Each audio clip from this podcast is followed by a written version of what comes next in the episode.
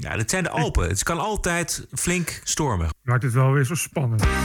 This is the TPO podcast. Preventief fouilleren in de stad van hoop. Hoe doe je dat? En dan stel ik de driehoek voor dat wij proefsgewijs het middel gaan inzetten. Hoeveel redenen zijn er om het geweld in Amerika te stoppen? Restaurants were burned down. Beauty supply was looted and burned down. Um, pretty much this whole strip burned except the church. En Donald Trump, favoriet bij Democraat van kleur. As you can see, I'm a man of color, and I'm a lifelong Democrat too. But I believe that Donald Trump is the president that America needs to lead us forward. Aflevering 189. Ranting and Reason. Bert Bresson, Roderick Phalo. This is the award winning TPO podcast. Het is maandagavond 31 augustus, noodweer code rood. Hier in Noord-Italië hagelstenen als tennisballen op caravans van Nederlandse toeristen aan het Gardameer. Ik zit aan het eh, Lago Maggiore nog steeds en hier is een deel van de weg helemaal weggespoeld. Maar hoe is het met Bert? Ik heb eh, een helweek achter de rug. Qua Ja. temperatuur. Ja. Ik woonde zowaar eh, op het heetste stukje Europa. Eh, oh, dit, is, eh, ja, dit is nog Europese EU. en, eh, boven de 50 graden. En toen kwam er ook nog een, een kalima. Dus dat? zo'n, eh, dat is zo'n zandstorm uit Sahara. Ah ja, oké. Dus heel, heel veel zand en dan, dan is ook dus de zon weg. Dus dan wordt het heel broeierig heet. En het wordt, in mijn gebied het code rood. En dat zie je nog nooit gebeurd, code rood. Geweldig. Nou, ik Voor- zat ook in code rood. Bert. Ja, maar voor storm, niet voor temperatuur. Precies. Dus dan zaten we allebei in code rood. Dus nooit, nog nooit gebeurd, eh, zo hoog de temperatuur bij jou? Nee, het was ook wel echt, echt bizar heet. Op een gegeven moment was het ook, bleef het ook gewoon s'nachts nog 40 graden. Jezus. Je hebt een nieuwe airco, dus dat, dat was goed aan, een goede aanschaf, was dat? Nou, dat, ik zou je dus zeggen.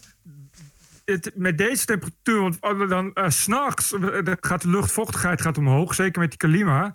Dus dan eh, er valt gewoon niet meer tegen op de airco. Dan zet je hem op zijn koudst en dan is het nog niet voldoende. Zo erg is het. Jezus. Erg, hè? Ja. En ik zou je, nee, ik zou je vertellen, het was zo erg.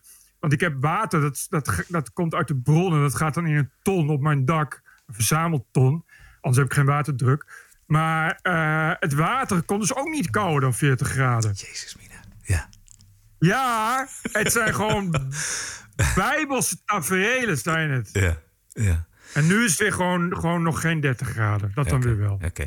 Iets minder bijbels eh, was eh, mijn situatie, mijn code rood. Eh, want ik zit hier aan het Lago Maggiore. En daar kan het, weet ik uit vroeger tijden, enorm spoken. Dus het kan, komt daar dan echt in een paar dagen met bakken uit de hemel. Echt met zulke, zulke dikke druppels. Hagelstenen dus aan het Gardameer. Maar de- de- ik zat in een dorpje en daar werd gewoon de hele weg weggespoeld ben dat net ontsnapt. Als wij een half uur eerder waren eh, vertrokken, dan hadden we daar zeker ingezeten. Maar ik heb foto's gezien. Serieus? En dat was echt eh, niet fijn hoor. Dat zijn, eh, dat zijn dan gewoon auto's die mee worden gesleurd in de modderstroom. Ja, waar ga je heen? Je, sturen heeft geen zin. En waar kom je terecht? Dat is, best eng. Ja. Ja, dat is heel... Maar in je auto's is niet bespoeld. Nee, nee, nee. Nee, auto. nee, nee. Wij stonden eh, in de file omdat daar dus al een weg was weggevaagd. En iedereen zei van omkeren, omkeren. En Dus toen zijn wij omgekeerd. Maar goed, dan moet je het hele eh, eh, meer om. En dat is, dan ben je wel echt een pa- paar uur bezig. Dus op een gegeven moment, het was ook s'avonds. Dus wij zijn op een gegeven moment in een hotel gaan zitten. En hebben daar heerlijk gegeten en overnacht. En toen op een gegeven moment, de volgende dag zijn we naar Milaan geweest. Want daar was het nog wel een klein beetje redelijk weer. En hebben we mooie eh, paar dingen in Milaan bekeken. En daarna zijn we weer naar het noorden gegaan, naar Zwitserland. En toen was eigenlijk het ergste wel voorbij. Radiohistorici zullen zeggen dat het vandaag precies 46 jaar geleden is dat eh, de zeezenders Radio Veronica en Radio Noordzee ermee moesten ophouden.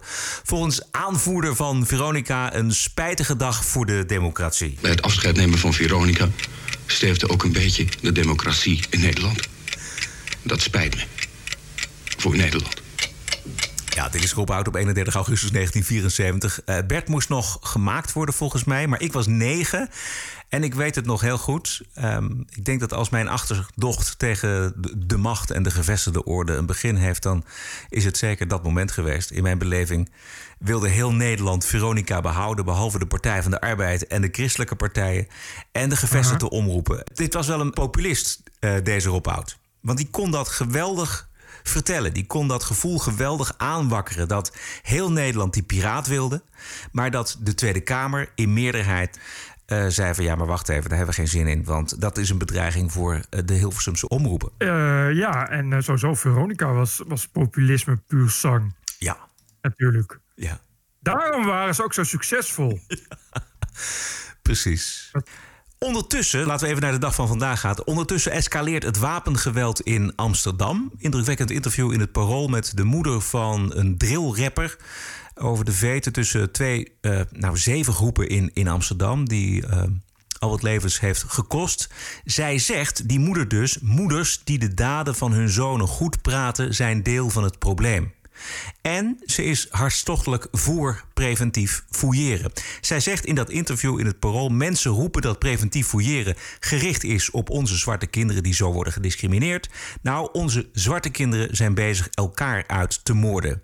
Zien mensen dat nou niet? Al dus de moeder.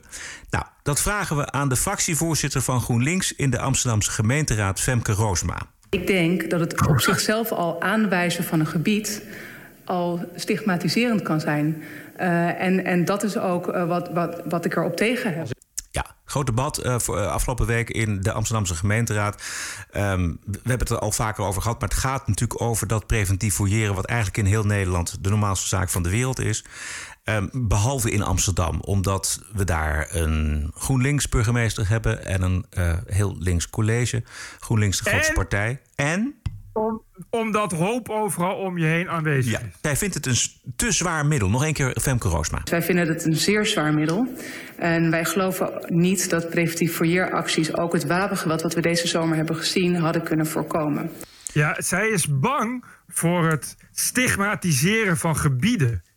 Het, het, GroenLinks heeft in Amsterdam gewoon iets heel nieuws uitgevonden. Gestigmatiseerde gebieden.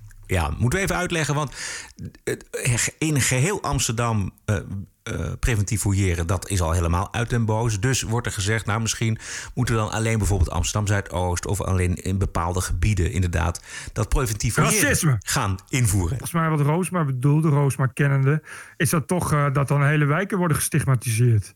Want nou ja, dan gaat Roosma weer huilen, zoals ze altijd doet, omdat de wijken zijn gestigmatiseerd. Wijken stigmatiseren doet ook pijn, Roderick. Ja. Maar Halsema gaat het eindelijk toch heel voorzichtig doen. Een overwinning voor Forum en het CDA. En dan stel ik de driehoek voor dat wij proefsgewijs het middel gaan inzetten. We zijn blij, maar ook wel weer jammer dat het, nou, hè, dat het zoveel debatten moet kosten. D66 en GroenLinks, die, ja, ik weet niet in wat voor wereld die mensen leven... maar die vinden het nog steeds heel belangrijk dat jongeren uh, vooral heel veel vertrouwen hebben in de politie... en vaak over een bol geaaid worden. Die partijen gaan niet om. Ik weet ook niet ja, hoe hard de realiteit ze nog op de neus moet slaan... voordat ze begrijpen dat dit gewoon nodig is. Ja, hoe kan het nou toch zo zijn, Bert, dat heel Nederland eigenlijk preventief fouilleren? Nou ja, het, liever niet, maar het is blijkbaar toch nodig. Maar dat het verzet van in, in Amsterdam zo enorm groot is en dat het tot nu moet duren, na de zoveelste moord, dat uh, de burgemeester zegt: oké, okay, laten we het op proef gaan doen. Nou, omdat uh, partijen uh, GroenLinks en kennelijk ook D66 in Amsterdam uh, willen dat de rechtsstaat je beste vriend is. Dus die blijven maar volhouden dat het inzetten van preventief fouilleren een heel zwaar rechtsstatelijk middel is. Dat heeft natuurlijk te maken met hun, uh, met hun, uh, ja, hun ideologie, waarin er toch altijd weer oplossingen moeten kunnen worden gevonden door nog meer jongeren over hun bol te aaien en meer thee te drinken dat uh, Femke Halsema, de burgemeester, nu overstag gaat, was eigenlijk wel een verrassing. Is een mooie winst ook voor, uh, voor Annabel Nanninga en Diederik Boomsma van het CDA. Ook wel voor de VVD een beetje natuurlijk.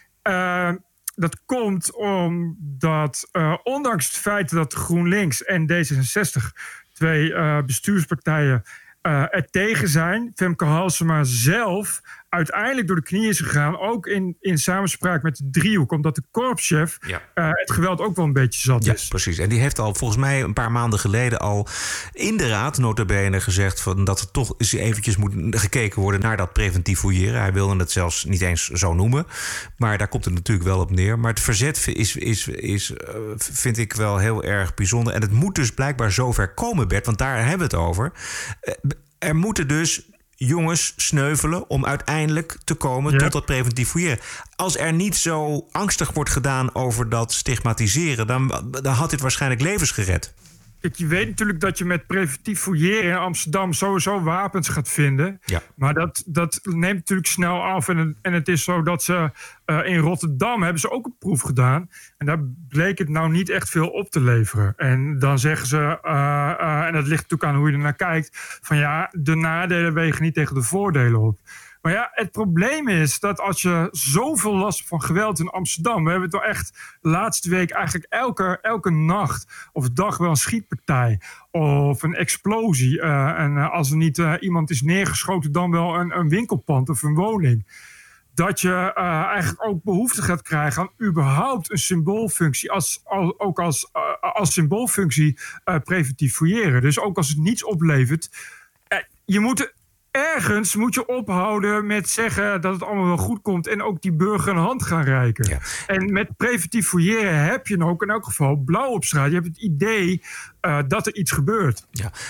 Voor mijn eigen begrip, bedoel, het, het voordeel van preventief fouilleren zou in mijn hoofd zijn dat eh, je in ieder geval het signaal afgeeft aan jongens die met wapens over straat willen: van nou, als we je pakken met een wapen, dan ben je de lul. Hè? Dan, dan, Exact. dan, ga je, dan ga je, weet ik veel, voor een jaar dus een gevangenisstraf in of een half jaar of wat van over. Maar dan, zit- dan zit er een, een consequentie aan. Dus je, je kunt, en als je dus niet preventief fouilleert, ja, dan, eh, dan voelt degene met het wapen zich vrij om zich met wapen en al te bewegen door Amsterdam eh, op weg naar een volgend slachtoffer. Exact. En, de- maar, en dat is dus het grote probleem. Want eh, je kan heel veel principes hebben bij preventief fouilleren. Heel veel ideologische principes. Het probleem wat nu gecreëerd is in Amsterdam... is dat, je, dat iedereen, elke jongere, eh, raddraaier, tiener... weet dat hij onbeperkt met verboden wapens op zak kan lopen. Omdat de politie hem toch niet gaat tegenhouden en toch niet gaat fouilleren. En dat is, dat is iets wat je dan creëert. En creëert uit- uiteindelijk een soort van machtsvacuum. Waardoor, waardoor jongeren gaan doen wat ze willen. En, en dat haal je er geval voorlopig uit met preventief fouilleren. En dat vind ik het belang nu van, van dat preventief fouilleren. Als je. Eh, nou ja, je kan natuurlijk denken dat je bij preventief fouilleren een keer onverwachts inderdaad met een heleboel politieagenten een paar wegen in de Belmen gaat afzetten en dan gewoon iedereen gaat fouilleren. Reken er maar op dat je dan een hoop wapens hebt. Ja, zeker.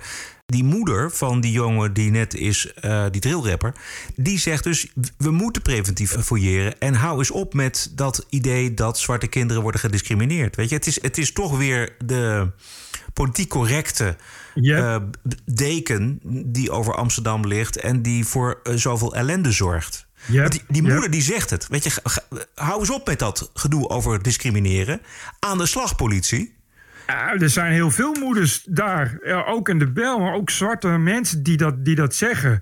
Die inderdaad zeggen van luister, eh, eh, onze jeugd is aan het afglijden. En, en, en, maar dat komt als er geen gezag op straat is, dan gaat inderdaad de jeugd afglijden. En het begint in elk geval bij weer meer gezag op straat. Weet je, en het begint dus inderdaad dat je, waar het om gaat. En dat is natuurlijk het probleem, is, is dat het gaat om soms jochies van 11, 12 jaar met machetes op zak.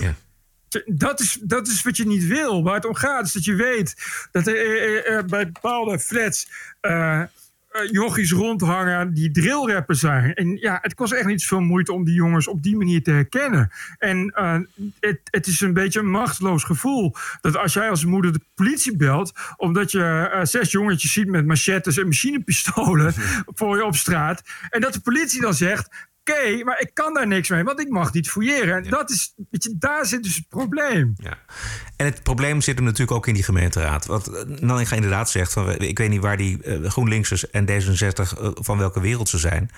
Zij vinden het belangrijker dat de jeugd meer vertrouwen in de politie krijgt. Maar ja, dat, is, ja, het... dat heeft hier niks mee te maken. Ze moeten juist minder vertrouwen in die politie krijgen. Als je een wapen, met een wapen over straat gaat, dan kun je gepakt worden. Dat vertrouwen is helemaal niet goed volgens mij. Nee, maar dat is, dat is, het is een verschrikkelijke waandenkbeeld waarin die mensen leven. Echt verschrikkelijk.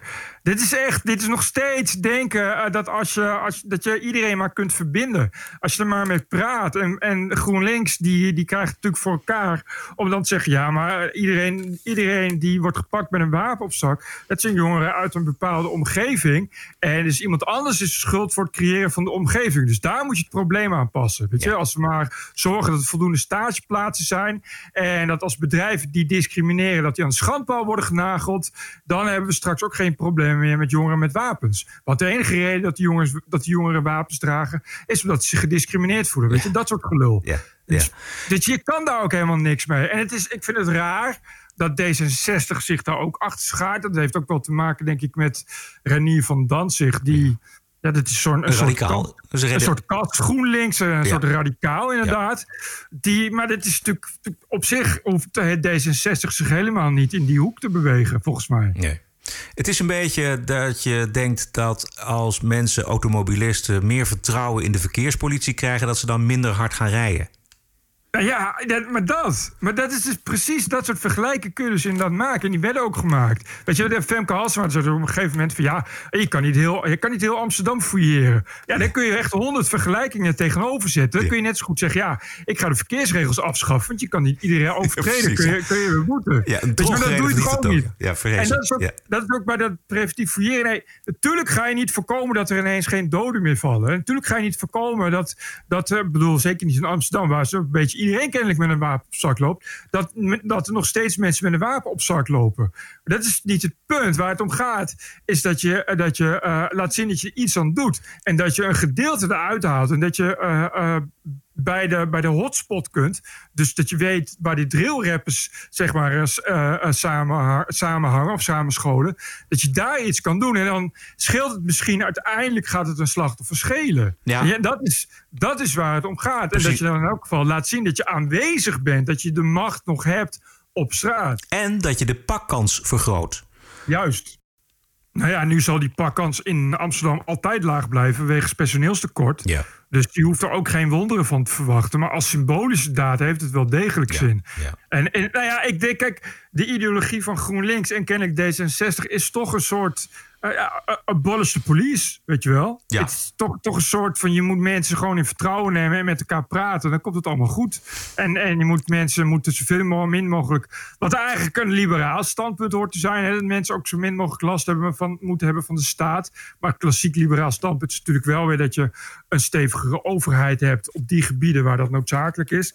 Dus dat past ook niet helemaal. Ja, ik weet het niet. Ik denk dat uh, uh, GroenLinks en D66, de mensen die dat stemmen wonen zelf natuurlijk niet echt in wijken waar heel veel drillrappers rondlopen. Dus dat scheelt natuurlijk ook. Als het straks je eigen dochter is die wordt neergestoken in een bakfiets, dan ga je ineens wel FVD stemmen, gok ik zo. Dus, dus ja, weet je, dat, dat heeft natuurlijk ook nog, uh, ook nog heel veel mee te maken. Oké. Okay. TPO Podcast. Bert, moeten we het nog hebben over uh, de Grapper House Party? Nou ja, ik vind. Ik ben inmiddels. Uh, ik begin inmiddels net zo recalcitrant te worden als al die wappies.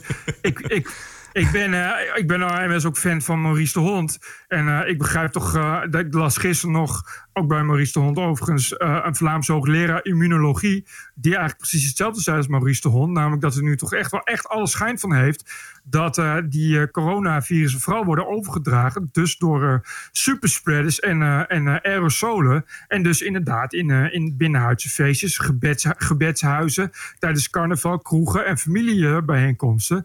En dus dat die, de anderhalve meter samenleving, zeker in de buitenlucht, niet zo heel erg zinnig is. daar kun je dan nog van alles van vinden. Maar ik vind dat Grapperhaus toch heel duidelijk heeft laten zien hoe onmogelijk het is om zo'n anderhalve meter samenleving uh, vol te houden en in te richten. Dat lukt gewoon niet. Dat is, dat, dat is niemand die dat lukt. Dat lukt wel als jij en ik op straat staan, kunnen we heel makkelijk afstand houden. Maar op het moment dat je met 100 man bijeen bent en je viert een feestje, ga je niet, 100 meter, ga je niet anderhalve meter afstand houden. Het is gewoon gods onmogelijk. En het, dus, het is dus een regel die, die krankzinnig is. Het is ook niet te handhaven natuurlijk. Je, wat je dus moet doen, maar dat heeft ook te maken met die verplichting. Wat je dus moet doen is tegen mensen zeggen: probeer afstand te houden proberen te beperken en besef waar je mee bezig bent. Maar wat er nu gebeurt is, ja, als een zwakzinnige die anderhalve meter uh, samenleving doorvoert. Hè, dus, dus door overal op de grond ook op te meten wat anderhalve meter is. En weet je, weet je dat, dat, soort, dat soort onnozelheid die natuurlijk niet, niet werkbaar is en niet haalbaar. En natuurlijk gaan mensen zich daar dan tegen verzetten. Weet je, omdat die mensen, die snappen zelf ook wel dat als je nu met 100 man in een zaaltje van 50 man gaat staan zonder ventilatie, dat je dan ziek wordt. Weet je, dat is, dat is het probleem niet. Je kan mensen dat best wijsmaken. Je, bedoel, iedereen weet ook uh, hoe je verkouden wordt of hoe je mazelen verspreidt. Dat is het probleem niet. Uh, maar als je tegen mensen gaat zeggen: je moet anderhalve meter afstand houden. Terwijl je niet kan uitleggen waarom. Weet je, waarom niet 1,40 meter of 1,60 meter? Hoe kom je bij 1 meter? En dan ga je naar andere landen kijken. En dus in elk land is het weer een verschillende afstand. Weet je wel? En hoe meet je dat dan? Want zijn er dan geen mensen die bijvoorbeeld 3 meter ver kunnen hoesten? Dus weet je, loop ik dan ook niet ook. Weet je, daar worden mensen natuurlijk knettergek van. Mensen willen dan zeggen van nou oké, ik wil best ik wil best uh, afstand houden. Ik wil best uh, ik wil een tuinfeest kunnen organiseren, want het is buiten. En ik snap dat ik dat niet binnen doe, dus dat sla ik over. Uh, Oké, we gaan, laten we inderdaad een tijdje geen kerkdiensten doen en geen, geen dingen in overdekte zalen. Laten we carnaval een jaar afschaffen. Maar laten we nou niet zeggen dat we als we op straat lopen moeten gaan oppassen om anderhalve meter afstand te houden en ook nog een mondkapje te gaan dragen. Omdat daar toevallig één iemand voorbij kan lopen die misschien wel in mijn richting hoest. Mm -hmm. Want ja, weet je, voor, voor, voor die kans is het dan zo klein.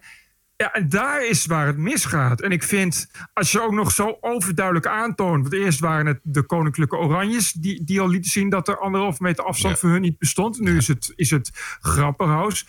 Aan, aan dat soort hypocrisie gaat je regelgeving kapot. Ja, totaal. Ik kijk maar naar, uh, naar de drooglegging in de jaren twintig in de Verenigde Staten.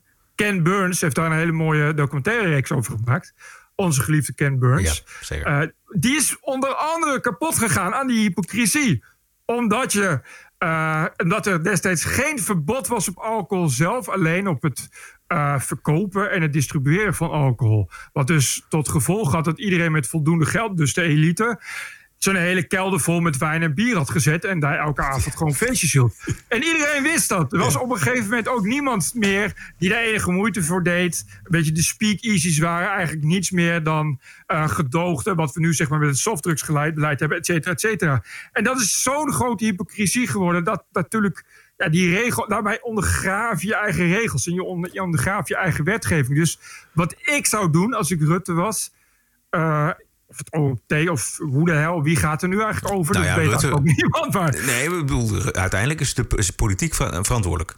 Is, ik zou echt zeggen, uh, weet je, dat kap met die anderhalve meter samenleving. Met je economie gaat er ook kapot. En zeg, laat voer een verstandig beleid. Ja. Weet je, als je je, als je je kroeg mag niet open, wel je terras. En als het winter wordt, hey, je kan nog, denk ik, tot in oktober.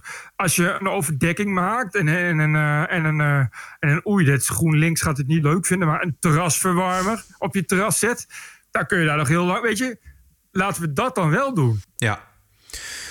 Nou ja, ik mis zelf, heb ik al eerlijk eerder gezegd, ik mis zelf het, het voortschrijdend inzicht. We, we zijn nu hm. ruim een half jaar onderweg met dit virus. Uh, er, wordt, er wordt voortdurend onderzocht. Dat, dat, die kennis die, die moet uiteindelijk leiden tot uh, andere maatregelen. Daar is het wachten op. En dat mag wel eens uh, dat mag wel een, een tandje bij, wat mij betreft. Ik vind het, het is, het is continu zeer conservatief. Ja. Uh, uh, ik, ik, heb je dat, ik heb je dat geleden, dat stond afgelopen week in de Groene Amsterdammer. Een uh, reconstructie van overzicht over, over het RIVM en het OMT tot nu toe. Mm -hmm.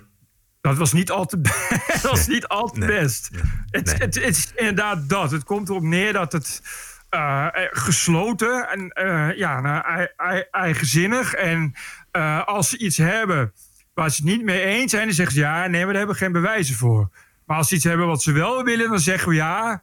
we weten het ook niet zeker, maar eh, laten we dat nu maar wel doen. Weet je wel? Ja, dan kun je dus ook andere dingen wel doen. Als, als, alleen als het uitkomt, zeggen ze ja, nee. Maar dan, uh, dan nee, daar hebben we geen bewijzen voor. Ja. Misschien is het toch dan nu zaak om daar iets progressiever in te zijn. En dan toch te zeggen, oké, het lijkt er inderdaad op dat, nou ja, dat die, dat die, uh, dat die aerosolen en superspreaders toch een belangrijke, een belangrijke bijdrage hebben geleverd aan, aan de grote clusters. En dat die mensen toch voor een belangrijk deel, nu ook de jongeren, en dat zijn toch jongeren die in nachtclubs en weet ik veel wat, bij elkaar komen. Ja. En dat we daardoor toch echt moeten gaan proberen, in elk geval voor een tijdje, die, de, de andere kant wat verder open te gaan zetten. Ja, exact.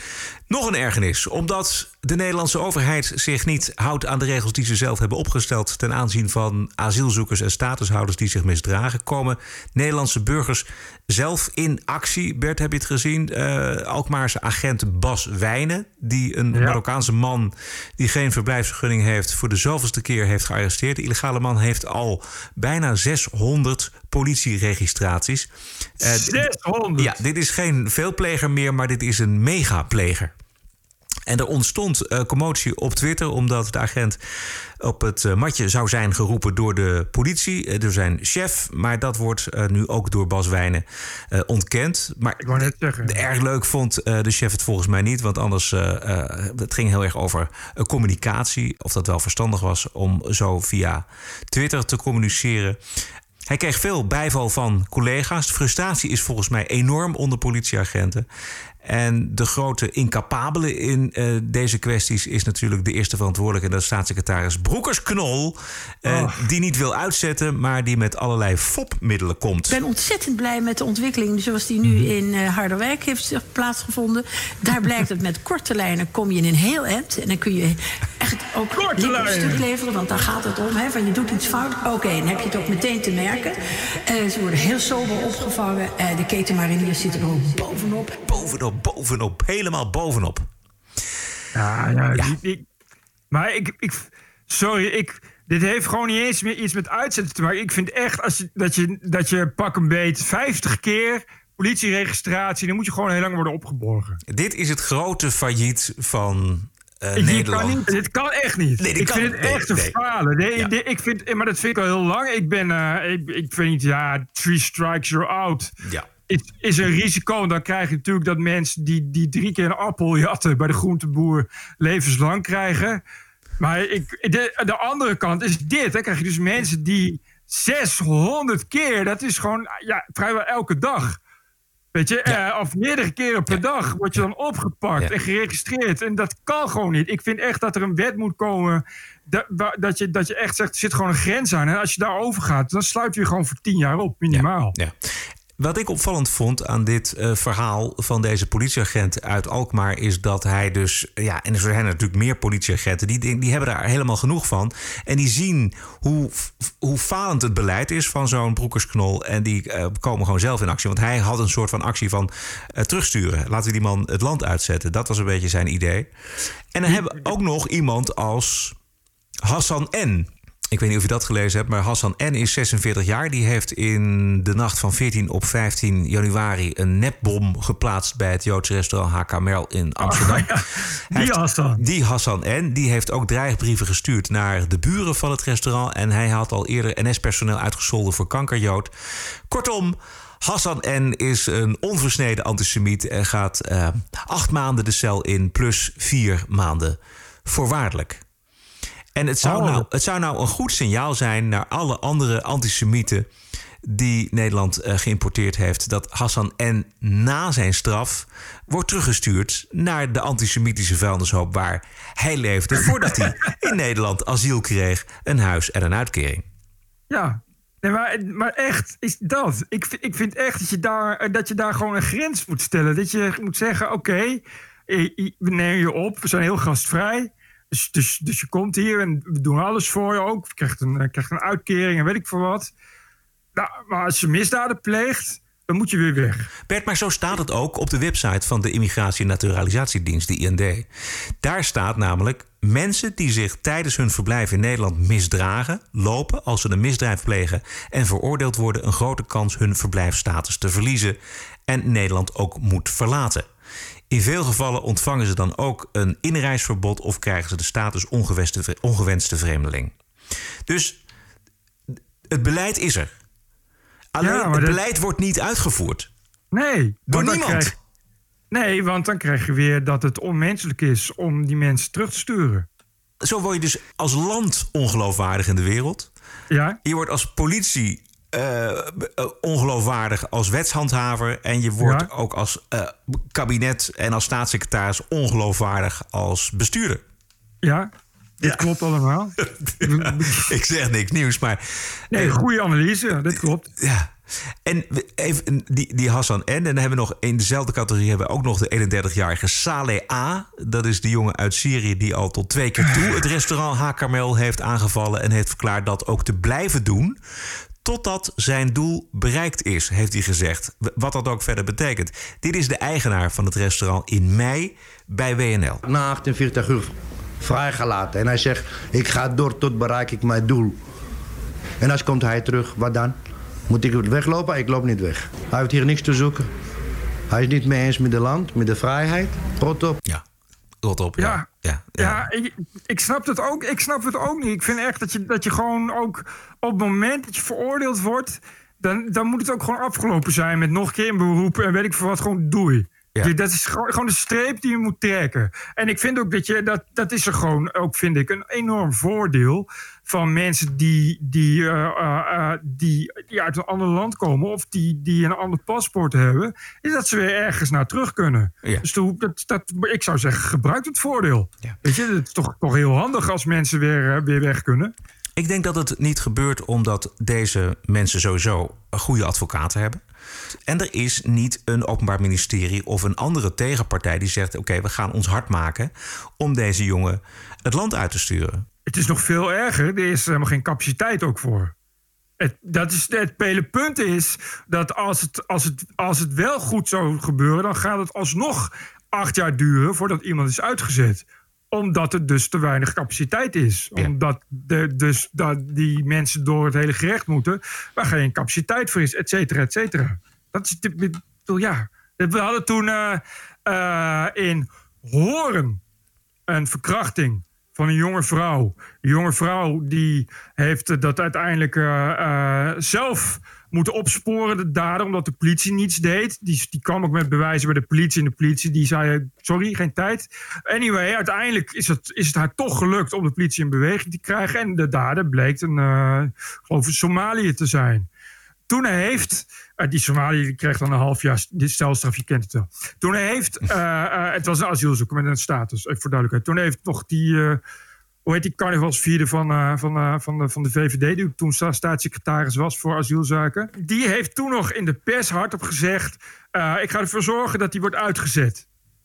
En nou, een jaar later was hij nog niet uitgezet. Ik bedoel maar dat zelfs als politici zelf dat willen, dan nog is het een bijna onbegonnen werk. Omdat er ook een zee van procedures is, eh, wachttijden overal. Ja, dit is gewoon niet, het is gewoon niet, tegen, op, niet, niet tegen op te vechten. Eh ander eh, geval is Bente Becker, dat is een VVD-Kamerlid die ook wel Ja. wil, maar die ook niet voluit kan gaan, omdat ze natuurlijk te maken heeft met haar eigen VVD-staatssecretaris. Broekers Maar het lukt Nederland niet om deze mensen ook daadwerkelijk het land uit te zetten. En hoe dat komt, Marokko weigert simpelweg meewerking. En Marokko weigert nu zelfs een gesprek hierover. Dat is voor de VVD onacceptabel, voorzitter. Hiermee wordt in stand gehouden een situatie van overlastgevende uitgeprocedeerde asielzoekers in onze straten en wijken.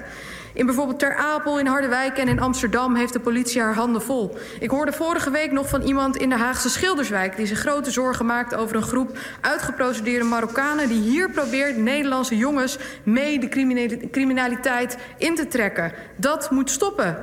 Kan de staatssecretaris toezeggen dat zij er samen met het hele kabinet alles aan zal doen om alsnog afspraken met Marokko te maken? Over het tegenhouden van migranten daar, maar ook over het terugnemen van mensen die uitgeprocedeerd zijn. En dat het kabinet daarbij het geld dat van Nederland naar Marokko gaat, ook via de EU, Maar ook landingsrechten voor hooggeplaatste personen en het eventueel intrekken of niet verstrekken van visa zal betrekken. Nou, hier zit zo'n beetje alles in. En dit is het antwoord van Broekers Knol. Het is een debat van december vorig jaar. Dan geef ik nu het woord aan de staatssecretaris van Justitie en Veiligheid. Nederland werkt samen in het hele kabinet. En ook mijn departement Justitie en Veiligheid met Buitenlandse Zaken aan het verbeteren, verbeteren van de relatie, relatie met, met Marokko. Marokko. Dit is zo'n ongelooflijk slechte uh, staatssecretaris op dit uh, onderwerp. Dat hebben we ook al vaker gezegd, maar blijven het zeggen. Um, en nou las ik uh, afgelopen weekend dat een rechter in Nederland heeft bepaald dat asielzoekers uit de Gaza-strook ja. ook recht op asiel hebben. Ja. En toen dacht ik van, gaan wij nu de hele Gaza-strook herhuisvesten in Nederland? Uh, als dat Ja. de uitkomst is, dan moeten we toch echt dat vluchtelingenverdrag de prullenmand in, inwerpen. Want uh, daar kunnen we niet aan voldoen, volgens mij. Het is echt, het, is, het was echt, ja, dat is de- wat je zegt. Dan, krijg je, dan gaat heel Gaza komt hierheen. Dat zal, dat zal die eigenaar van H. Carmel, dat Joodse restaurant, leuk vinden, denk ik. Gazanen die opgegroeid zijn met, met Israël haten, dat we die hierheen krijgen. Dan gaat echt voor, qua antisemitisme gaat het stukken beter worden. Ja, dit moet toch de Nederlandse regering wakker schudden. Hier moet Broekersknol toch als de sodemieter achteraan. Ik las een column van Martin Sommer en die kwam uiteindelijk ook tot de, tot de conclusie dat er eigenlijk niks anders op zit. De wereld is zo veranderd. Ehm, Europa, Nederland al helemaal kan niet alle vluchtelingen opvangen die nu recht zouden hebben op een vluchtelingenstatus in Nederland. En dus moet dat vluchtelingenverdrag de prullenmand in. Ja, maar het is een Europees verdrag. Ja, dus oké, maar dan. Ja. gaan ze ergens anders heen. En dan moet het weer verdeeld worden. Dus komen ze alsnog in Nederland. Want dan komen ze met z'n allen... pff, Wat is Israël? Ook weer Griek, Griekenland, volgens mij.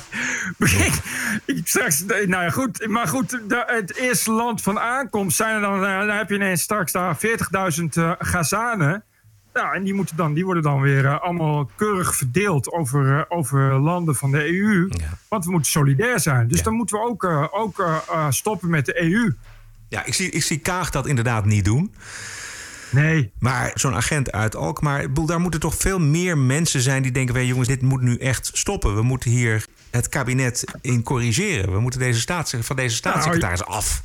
Ja, maar niet genoeg. Dus een, eh, nog steeds. Kijk, de, de meerderheid die, die, die stemt. De meerderheid stemt VVD. Dus die stemmen juist op een partij die deze staatssecretaris levert zelfs. Dus ja, wat ik. eh, nee, dit is, een, eh, het, dit is niet, goed- zijn niet genoeg mensen die dat vinden.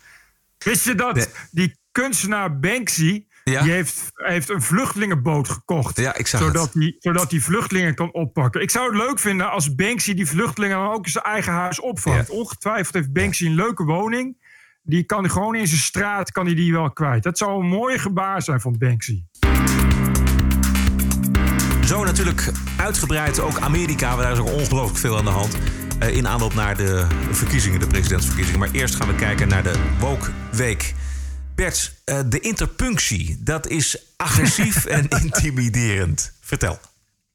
Eh, ja, dat klopt. Eh interpunctie, zoals bijvoorbeeld een punt, is intimiderend en absoluut niet inclusief. Dat kan heel, heel intimiderend en dreigend overkomen. Zeker voor generatie Z. Dus dat is dus de generatie die na die millennials is gekomen. Een punt in een, in een, eh, aan het eind van een zin, in een boek, eh, in een krant, op de, op de Twitter, op eh, Instagram, waar dan ook.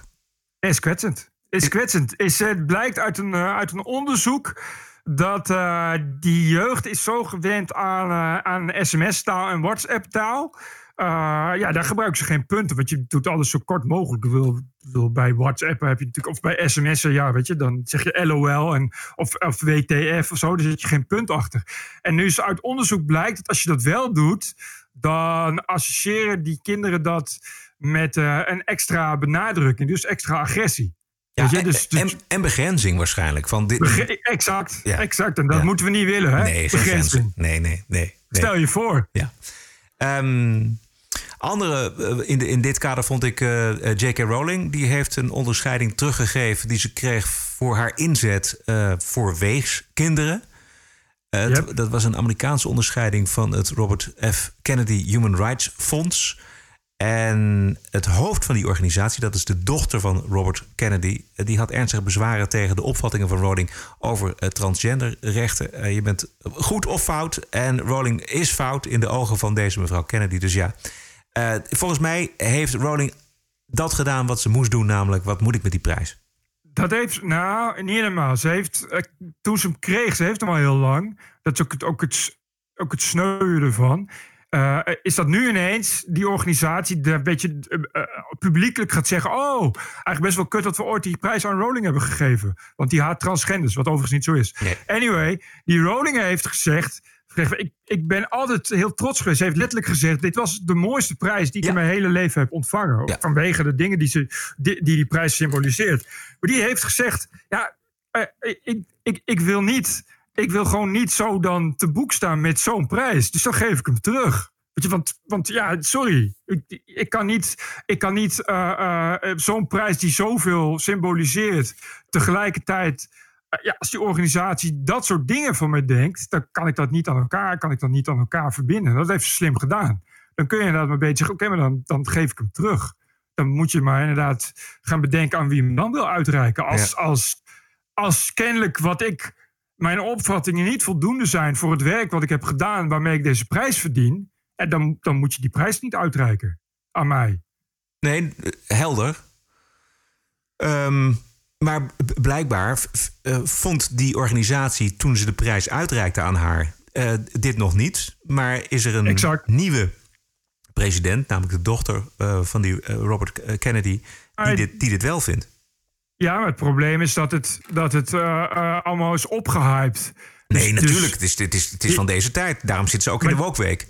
Ja, maar die, nee, maar die, die organisatie die, die had natuurlijk verder geen, geen flauw idee uh, van, van die tweets. Nee. Uh, en als dat wel hadden, hadden ze gezegd, het zal allemaal wel. Ja. maar ja, die worden nu natuurlijk, nu natuurlijk standpeden gecanceld. Of dreigen, er wordt gedreigd ermee te cancelen. Dus die zijn in paniek geraakt. Die, die, dus, dus die organisatie, die Kennedy, die heeft natuurlijk gezegd van... oh, grutjes, ik lees hier op niet zo heel erg objectieve websites... en bij en niet zo erg objectieve nieuwszenders... dat J.K. Rowling transgenders haat. Ja. Nou, dat zal het wel zo zijn. Ja, precies dat. Wat een luiheid, ongelooflijk. Uh, nog één ander dingetje zag ik. De Universiteit van New York is begonnen met het gescheiden huisvesten van uh, zwarte studenten. Ja. Uh, dit keer op initiatief van een online actiegroep. Ook weer een online actiegroep van anderhalve man en een paardenkop volgens mij. Het gaat om veilige ruimtes natuurlijk. Space, Safe spaces voor studenten van kleur. Dus de, de, Universiteit van New York is bezig de, de segregatie weer in te voeren. Yep. En de grap is dat ik dit nieuws las op de website van Amerikaanse socialisten. Die hier dus tegen zijn. Want die zeiden, schreven heel terecht: segregatie is segregatie. Ook als je dat voor. Als je, dat, je kan dat wel met een goed doel doen voor blanken of voor zwarte. Ja. Maar dat is, dat is nog steeds is dat de apartheid. Dus als zelfs de socialisten al tegen zijn, dan moet je toch wel op een gegeven moment gaan denken of je misschien niet ietsjes doorslaat in je antiracisme, lijkt mij. Ja. Maar volgens mij is dat in Nederland ook de SP is helemaal niet zo radicaal als, als een GroenLinks of een B1 bijvoorbeeld. Nee, er was zelfs. Uh, uh, Ronald van Raak had op TPO een column geschreven. Die schrijft elke week een column.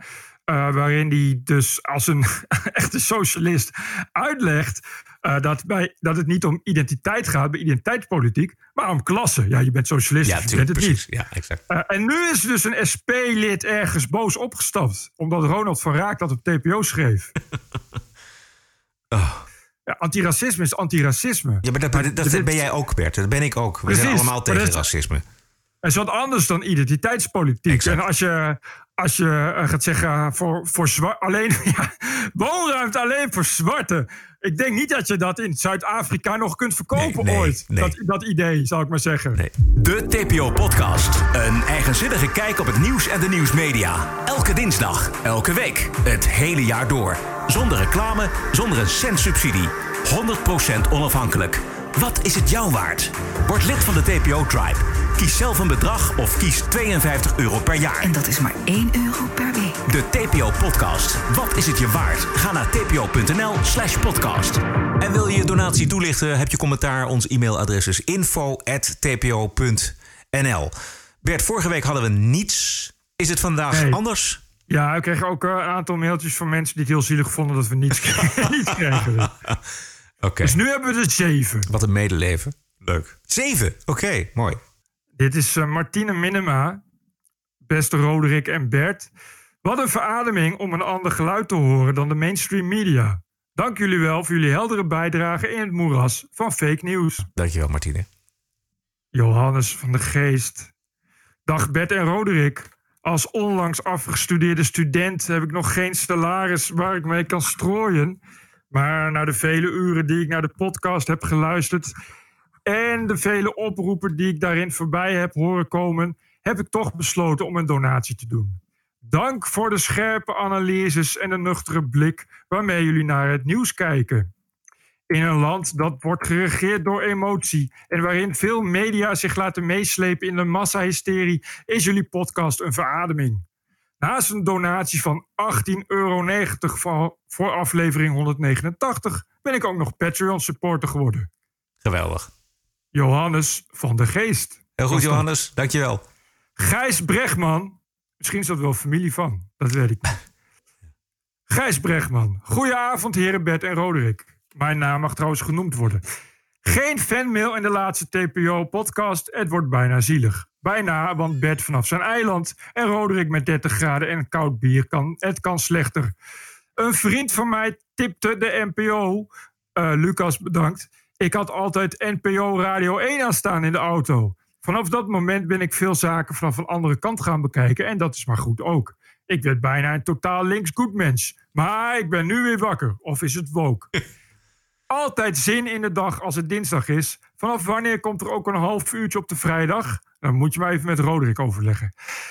Goed gekozen onderwerpen, veel kennis van zaken, net even die andere kant belichten. Dank. Mijn kijk op Amerika is veranderd en mijn kijk op de NOS trouwens ook. Once, you, once you see it, you can never unsee it.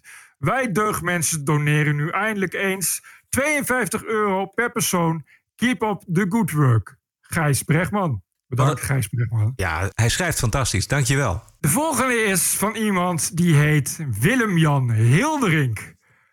Ik heb geen flauw idee wie dat is. Ook een hele rare mail, maar ik zal hem toch maar even helemaal voorlezen. Beste Bert en Roderick. Zelfs wat heel goed is, kan worden verbeterd. Ik denk dat de TPO-podcast in alle opzichten een buitengewoon hoogwaardig programma kan profiteren van een extra aandachtsgebied. Dubbele punt. Haaksbergen. Ook bekend als het Jeruzalem van Twente. Dit godsvruchtige bedevaartsoord kent een rijk en gevarieerd maatschappelijk leven. Dit wordt geregistreerd door een uitdunnend, maar voorheen zeer groot arsenaal aan media. In gedachten zijn met ons de Haaksbergen Courier en Haaksbergen Actueel. Tegenwoordig kunnen wij echter genieten van de verrichtingen in alle Haaksbergen, vrede zijn met hen, in Weekblad rond Haaksbergen. En natuurlijk het Haaksbergen katern van de Twentse Courant Tubantia. Speciale aandacht verdient het wekelijkse politiebericht. Er is in Haaksbergen namelijk geen criminaliteit. Voorbeeldje. Op zondag 16 augustus kreeg de politie geen enkele melding uit Haaksbergen. Dit was een citaat. De TPO-podcast zou aandacht kunnen besteden aan dit soort nieuws. Als een rubriek naast de Amerikaanse actualiteiten. Daarnaast zou het, denk ik, niet misstaan om wekelijk minstens een half uur in te ruimen voor foxpopjes uit deze parel van het oosten. Het Zaalmerink zit chockvol mensen die om een praatje verlegen zitten. En fan, dit kan niet misgaan. Make Haaksbergen great again. Hartelijks, Iljara Patreon, Willem-Jan Helderink. Oké. Wat en een gaan we nu suggestie, weer- man. gaan we nu weer verder met de volgende mail. En dat is van Maarten. Maarten Fres. Fres met SZ. Eh, even kijken, beste Bert en Roderick. Gisteren luisterde ik als vaste afnemer van jullie podcast wederom naar jullie gesprek. En wellicht mede door jullie relaas over het uitblijven van reacties bij de steunbetuigingen heb ik maar direct mijn jaarlijkse bijdrage van 104 euro overgemaakt. Het, werd, het werd toch weer tijd en deze e-mail geschreven. Ik luister wekelijks met veel plezier en interesse naar jullie gesprekken en vind jullie nog steeds een uniek en onderscheidend geluid in een anderszins amorf, kaalgeslagen, voorspelbaar deugend en ongeïnformeerd medialandschap. Eh, even kijken. Even kijken. Het moet me in dat kader wel van het hart dat ik sinds ik een van jullie gesprekken in het voorjaar een beetje in de war ben. Met name Bert maakte daarin bezwaar tegen een etiket als rechtsmedium en daarmee de framing in een bepaalde politieke hoek. Ik hoor in jullie podcast namelijk nou juist de toon die ik bij de mainstream media notoir mis. En die MSM is toch echt links in Nederland. En ja, daarmee is jullie geluid wellicht niet rechts, maar dan in ieder geval wel realistisch en was van politiek correct deugen. Anyway, ga er vooral mee door alsjeblieft. En als verzoek benoem vooral, de, benoem vooral de boeken en andere media die jullie inspireren. Ik heb Ode aan het klootjesvolk alweer bijna uit. Tips voor de gespreksonderwerpen. Wellicht kun je ook je licht laten schijnen over gezondheidszorg en onderwijs. En een heel andere hoek. De agenda 2030 van de VN en de zogenaamde Sustainable Development. Goed en dank. Maarten Fres uit Almere. Mag ik daar nog een eh, boek aan toevoegen? Want ik ben Ja, net ja. begonnen. Ik heb hem jou ook gestuurd, Bert. Wacht even. Ik ga Oh ja. Ja, dat is zo fantastisch.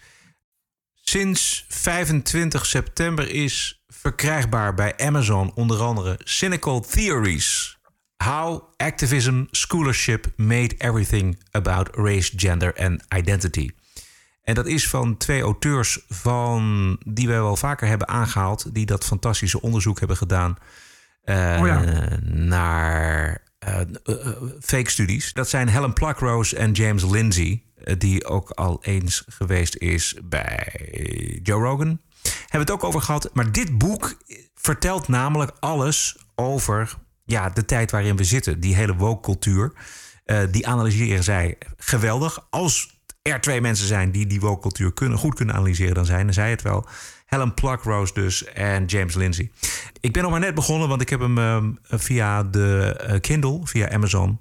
Maar Ja. thuis, als het goed is, ligt hij thuis nu op de, op, de, op, de, op de mat. Gewoon in boekvorm. Dat leest toch net iets lekkerder, vind ik. Ik heb het nog niet uit, helemaal niet uit zelfs. Maar ik kan het iedereen eh, aanbevelen die een vinger erachter wil krijgen in welke tijd we leven. Oké, eh, maar dank, eh, dank u voor deze... Ja, en nog één keer het boek. Het boek heet Cynical Theories. Oké, ga door. Eh, volgende is Max Stam.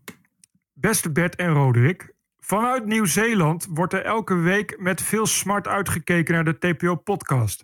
Samen met mijn vriendin bespreek ik wat er nu weer heeft plaatsgevonden in ons kikkerlandje. Wees maar gerust, Nieuw-Zeeland is net als Nederland hard getroffen door de wokeness. Zo niet veel harder. Ondanks de zooi in Nederland verlangen wij terug naar het open debat dat wij hier helaas nogal moeten missen.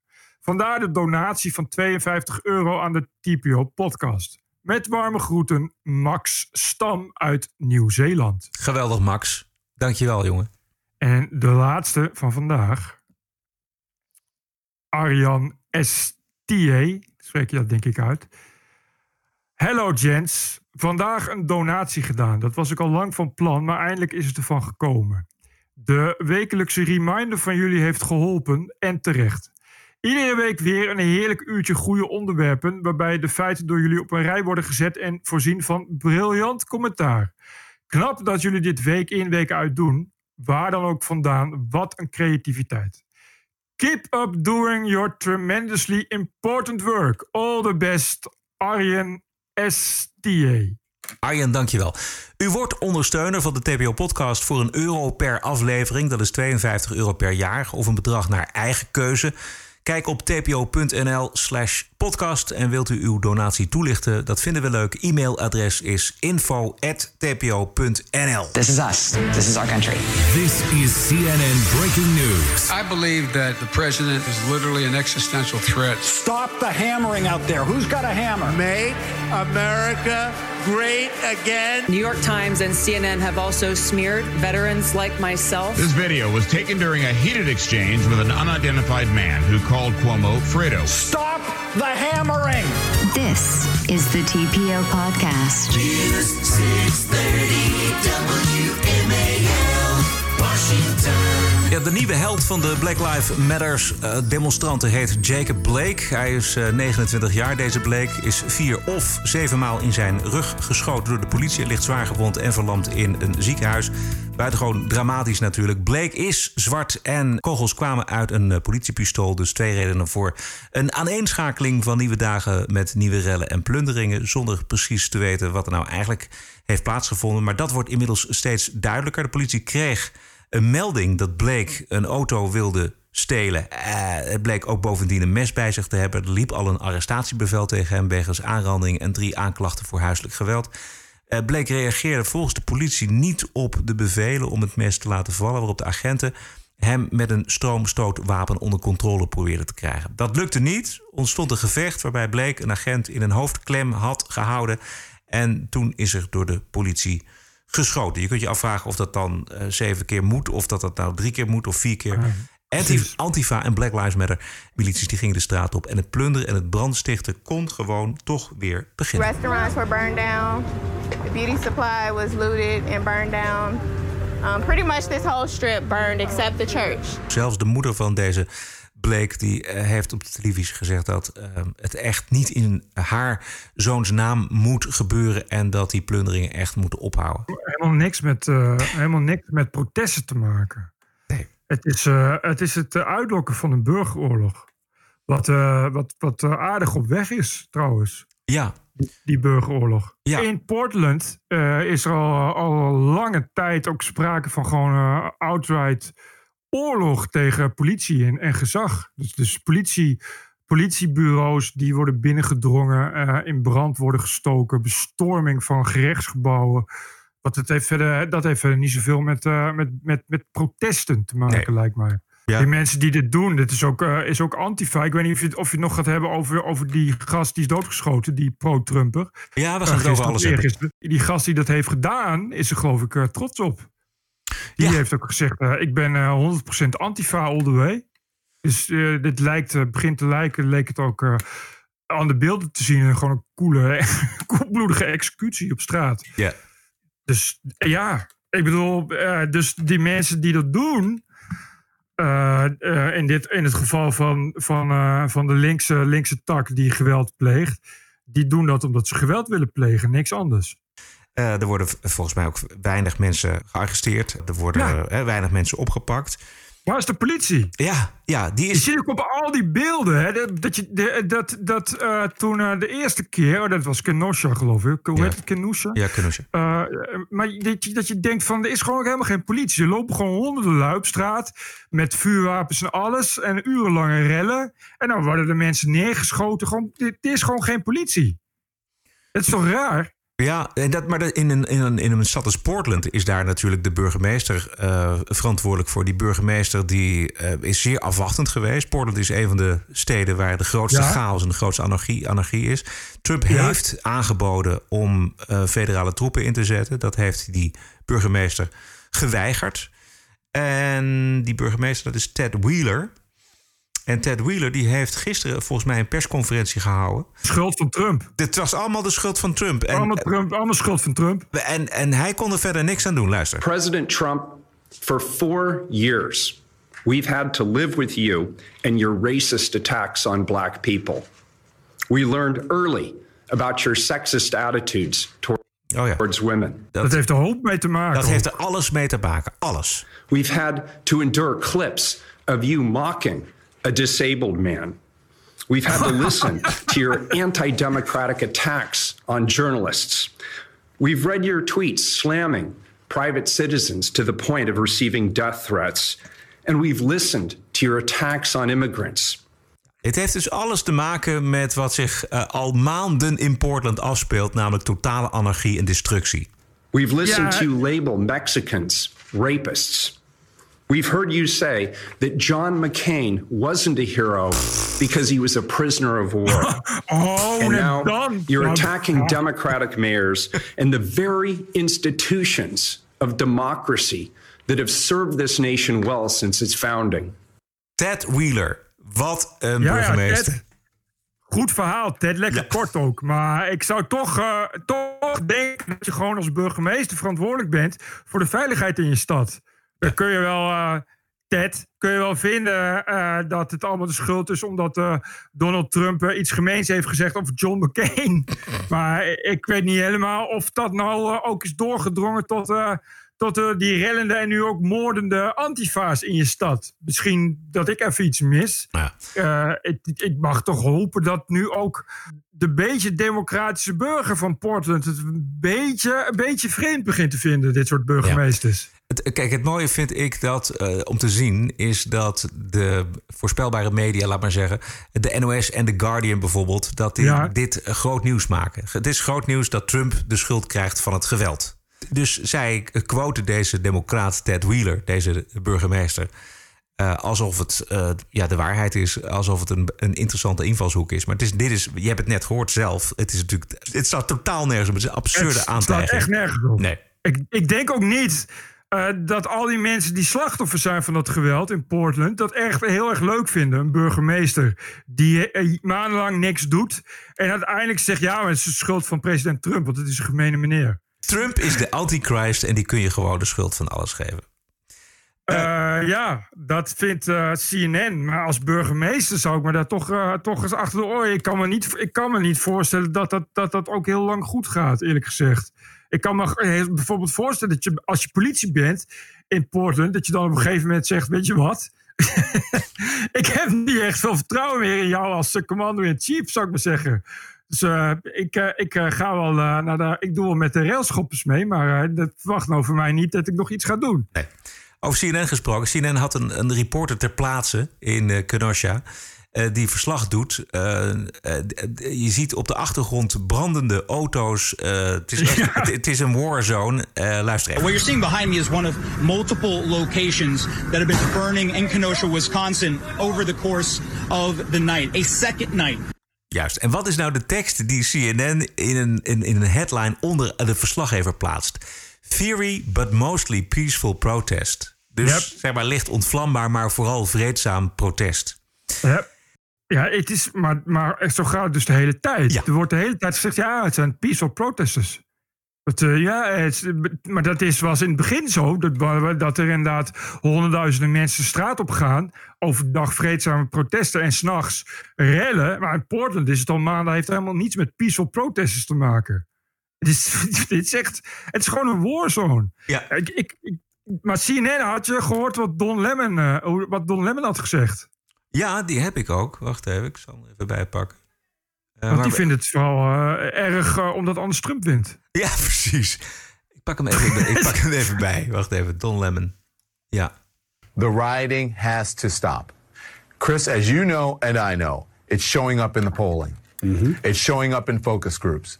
It is the only thing, it is the only thing right now that is sticking.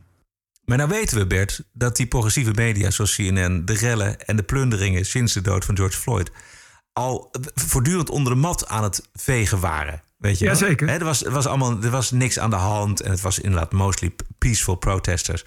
En samen met de Democratische Partij weten we nog, die Jerry Nadler, die riep dat het allemaal nep was, allemaal fake was. Ja, ja, ja. Ehm, maar nu eh, ja, is het dus uh, linkersom wat ze zien. Dus Trump inderdaad stijgen in, in de polls. En dat komt natuurlijk doordat Amerikanen de, uiteindelijk natuurlijk helemaal geen zin hebben in een land in chaos en anarchie. Nee, en maar, maar voor Don Lemon, die, die slachtoffers kan hem gewoon niet zoveel schelen. Nee, exact. Als, als de, wat hem betreft mogen ze gewoon heel, uh, heel Portland veranderen in een rokend gat. Als het maar niet betekent dat daardoor. Trump wint. Het is echt bizar voor woorden. Ja. Ik, ik zat ook echt, ik vind ook echt, ik zat ook te denken, stel dat Trump wint, en die kans is groot. Ja. Zelfs Michael Moore vindt het alweer. Dus ja, als Michael Moore het zegt, dan zal dat toch wel waar zijn. Die had het de vorige keer ook goed trouwens. Stel dat Trump wint, ik zit echt, ik geloof echt dat CNN dan gewoon, uh, gewoon een media boycott gaat doen. Dat ze dan gewoon, uh, gewoon niet meer, gewoon ook geen verslag meer doen. Je kan volgens ja? mij echt. Ik, ik zat echt te fantaseren van als Trump wint. Je kan gewoon echt van alles verwachten, volgens mij. Want de Democraten hebben dan helemaal niks meer, hè? Nou, die hebben nog het uh, Huis van Afgevaardigden. Ja, oké, okay, maar, maar Trump, Trump eruit was, was. Ik bedoelde alles of niets reeds tot nu toe is Trump eruit. Ja. Dus ze hebben alles geprobeerd en daar gaan ze zich op doodlopen of niet. Dus, dus ik, ik, ik vraag me echt, ik ben echt, als Trump wint, wat het, wat, hoe het dan verder gaat in Amerika. Ja, ja. maar dat, de- ik, de- ik vraag me dat ook af als Biden wint, hoe dat dan. eh, Ja, precies. Dat, dat- zou ik zo ook denken. Ja. Maar als hij verliest, Ja, dan krijg je wat dan? Dan, is, dan wordt het volgens mij ook chaos. En, en, eh, maar ja, het is nu al. Ik, ik, ik, dat, die, die, die doden. eh, dat de eerste keer was een hele jonge jongen hè, van 17. Ja. Die met die. hij zat. Hij liep tussen. eh, inderdaad, een hoop eh, militante extreemrechtstypes. Eh terwijl die jongen die zat bij een eh, Blue Lives Matter beweging. Dus die is juist pro-politie. Ja. Terwijl die, die extreemrechtselingen, die zijn dus ook anti-politie. Ja. Want politie is gezag, begrijp je wel? ja. En wat je op die beelden ziet, is hij wordt belaagd. En Dat en, en haalt dus de trekker over van, van, van, dat, van dat toch al zware vuurwapen wat Ja. hij heeft. Dat je die, dat slachtoffer. Ik, heb een foto dat je. eh, dat laat ook zien in beeld. Is gewoon de helft van zijn arm is gewoon weg. Van één kogel. Dus dat, is, eh, dat, dat zijn flinke dingen. Ik geloof dat de, de, de, de district attorney nu al heeft gezegd dat het waarschijnlijk zelfverdediging is. Eh, zo zag het er ook wel uit. Het is ook een beetje op het moment dat je iemand met een eh, semi-automatisch vuurwapen belaagt. Ik, wat denk je dan dat hij mee gaat doen? Maar goed, ja, ik bedoel, ja, is- Ja. Ik, zou ook, ik zou ook niet iemand belagen met zo'n wapen.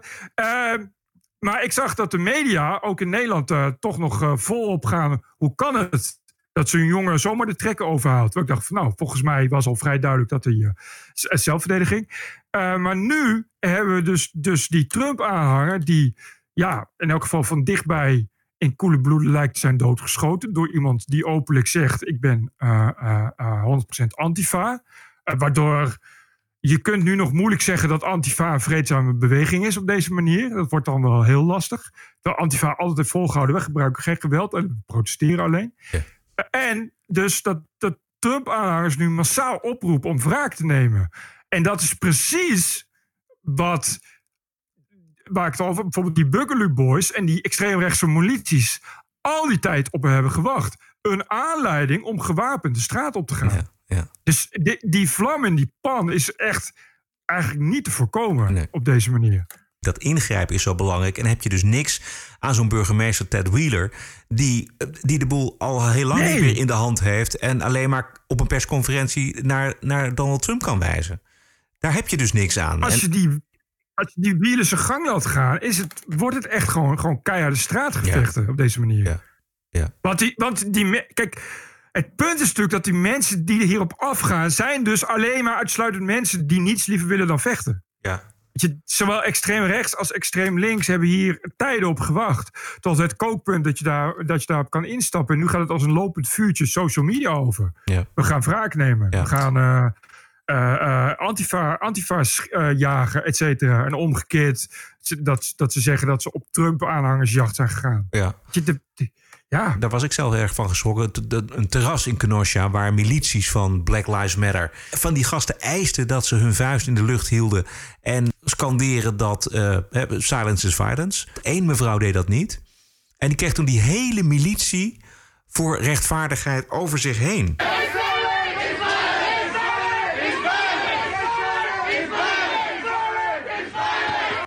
Vond dat zo intimiderend en zo gruwelijk. Ik zag jou twitteren, dit is fascisme. En dat klopt. Dat, dit, dit is dus het gezicht van fascisme. Ik bedoel, dit is, dit is een, een, een woedende mob waar je... Ja, daar ontkom je niet aan. Dit is gewoon pure belaging. Dit, is de- en erg, ik las het artikel, ik geloof New York Times... eh, eh, die, want dit clipje ging viraal nadat die journalist had getwitterd. Eh, die groep was dus echt op patrouille gegaan naar eh, alle restaurants van witte, eh, blanke eigenaren. Ja, ja. En bij al die restaurants zijn ze dit gaan doen. Eh, dat ze vroegen, je moet je vuist in de lucht steken om solidariteit met Black Lives Matter te, te tonen. Nou, als je dat niet doet, dan gaan we, gaan we je urenlang ja, uit, uit, uit. Ja, Ja. En dat is natuurlijk, op het moment dat je daar rustig zit te eten en zo'n groep komt eraan, dan weet je natuurlijk niet wat je overkomt.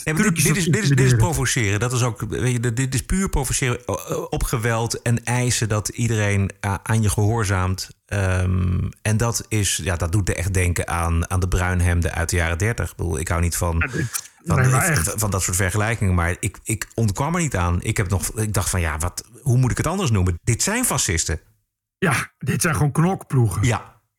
Ja, oké, ja, ze gebruiken geen geweld, maar je, dat is natuurlijk een kwestie van tijd. Boel, Dat, eh, eh, dat- als als, als eh, microaggression, als al de verkeerde, de verkeerde voornaam gebruiken, als dat al geweld is, dan is dit helemaal geweld hoor. Ze zijn zo snel getriggerd. Nou. Dat je daar, nee, maar goed, en, en ze doen het dan in, in een keurige buurt. Maar ja, daar zit natuurlijk op een dag zitten er ook eh, drie rechtsextremisten die iets terug gaan zeggen. En dan heb je het al. Weet je, is geen. Weet je, dat is geen. eh, dat is natuurlijk, natuurlijk, natuurlijk wachten op. Eh, ik vind wel tot nu toe dat. veel eh critici een puntje hebben dat momenteel de tweets van Trump zijn ook niet echt heel erg handig. Eh, ik, is niet heel erg presidentieel om nu openlijk nog meer eh, olie op het vuur te gooien. Wat twittert hij? Nou, hij, hij is gewoon ook echt mensen aan het uitschelden en zo. Die, en hij kiest partij, zeg maar, laat ik het zo zeggen.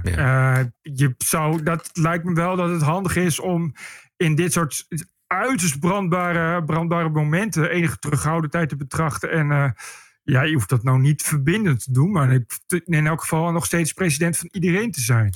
Vernon Jones, de zwarte democraat uit de staat Georgia. Hij werd afgelopen week door vreedzame demonstranten lastiggevallen op straat... omdat hij niet voor Biden, maar voor Trump kiest. Dit is Vernon Jones. Hello, America. My name is Vernon Jones, and I'm a state representative from the great state of Georgia. As you can see, I'm a man of color, and I'm a lifelong Democrat, too. You may be wondering why is a lifelong Democrat speaking at the Republican National Convention? And that's a fair question. And here's your answer.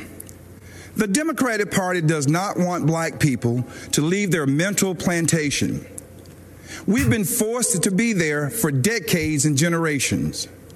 But I have news for Joe Biden. We are free.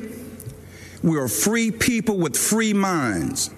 And I'm part of a large and growing segment of the black community who are independent thinkers, and we believe that Donald Trump is the president that America needs to lead us forward.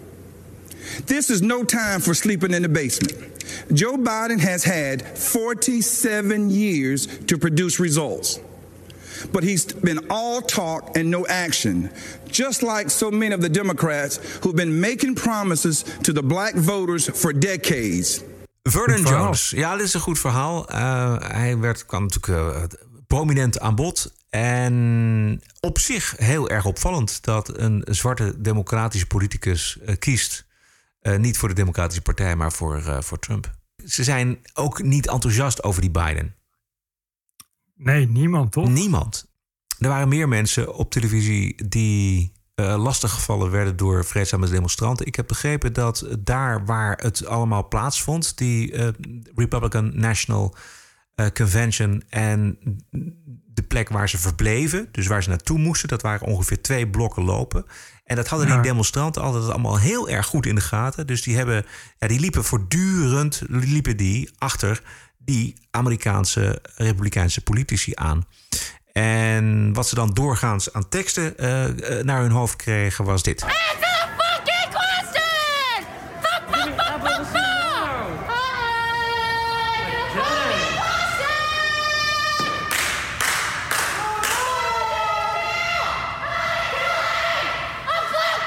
Onvoorstelbaar. Ongelooflijk. De hysterie. Dit klinkt allemaal heel erudiet en intellectueel. Ja. Echt, eh, echt, echt goede argumenten. Ja. Dit, dit past typisch in een, eh, in een eh, democratisch open debatsamenleving als Amerika. Dat vind ik mooi om dat zo te horen. En de ironie wil natuurlijk dat deze idioten de, de- de support voor Trump alleen maar groter maken. Yep. Ja. Trump hield zelf ook een toespraak waarin hij vooral zijn successen eh, van de afgelopen vier jaar nog eens de revue liet passeren. Dat vond ik een beetje saai. Ik weet niet of je het gezien hebt, Bert. Nee, ik las wel overal dat het reet saai Ja, het was verschrikkelijk saai. dat, komt on, dat komt onder andere omdat hij ja, terugkijkt op je successen. Ehm, dat is gewoon niet zo fijn. En wat ook lastig is bij Trump, dat als hij ad-lib, dus als hij improviseert, dan is hij natuurlijk onverslaanbaar en goed. Maar zodra hij van de teleprompter, zodra hij van de autocue moet lezen, dan wordt het echt vreselijk. Dat toontje is rampzalig. Luister maar. The most dangerous aspect of the Biden platform is the attack on public safety. The Biden Bernie manifesto calls for abolishing cash bail, immediately releasing 400,000 criminals onto the streets and into your neighborhoods. When asked if he supports cutting police funding, Joe Biden replied, Yes, absolutely. Make no mistake, if you give power to Joe Biden, the radical left will defund police departments all across America. They will pass federal legislation to reduce law enforcement nationwide. They will make every city look like Democrat run Portland. Ja, het land wordt onder Biden één groot Portland. Dat zou- Oh, hij heeft er echt zin in, hè? Ja, hij heeft er echt zin in. Ja, vreselijk. Ja, ja, dat kan hij niet. Nee. Bonusquote is een, eh, een- is een lange, omdat die komt uit een eh, lange, zeer indrukwekkende speech van de zwarte democratische afgevaardigde voor Tennessee, John DeBerry. 69 jaar, vol van afschuw over huidskleuren turven door politici en nieuwsmedia. Slecht nieuws voor de NOS. Vol walging over het geweld en de plunderingen en het wegkijken door de nieuwsmedia. Take a listen. I am one of those individuals who walked in back doors because the law said I had to. I'm one of those individuals who rode on the back of the bus on the back seats that were not cushioned because the law said I had to. I went to the water and drank colored water because the law said I had to. I went to a school where everybody looked like me and the country was divided and segregated because the law said that I had to. So all of these things we continue to refer to are the things that me and my generation lived. We saw it for ourselves. We're not reading it in the history books, but we lived it. I went with my father when he and our neighbor got one of those I am a man signs and went downtown Memphis and watched him stand there proudly with Dr. King and other men and women, black and white, who had enough courage to stand up against what was wrong. And the way they did it, they had on their suits, their shirts, their ties, hats, and if it was cold, their overcoats, they locked arms and they marched peacefully. And Dr. King stood for that which was peaceful. How did they do it? They did it by standing like men and women of integrity and class and common sense and values. When the riot started and folks started burning stuff down, that's when my father took my arm and we left. We left because that was not what we were there for. That was not what Dr. King was there for. That was not what others who are famous in the civil rights days were there for. This was not peaceful. It was not part of our movement, and it only hurt everything. My family raised money and sent my dad to Washington for that march. Well, that man stood there and said that he wanted his children judged by the content of their character, not the color of their skin. And all we do in America right now is talk about color. Every issue, every issue is about race, it's about color. Instead of us sitting down at the table like men and women of common sense and common justice. Don't you know that the people who are looking at what's happening in Washington, in Detroit, in Portland, in Seattle, they're getting emboldened because we act like a bunch of punks, too frightened to stand up and protect our own stuff. You tell me that somebody got the right to tear down property that Tennessee taxpayers paid for? That American taxpayers paid for, and somebody has the right to destroy it, deface it, and tear it down? What kind of people have we become?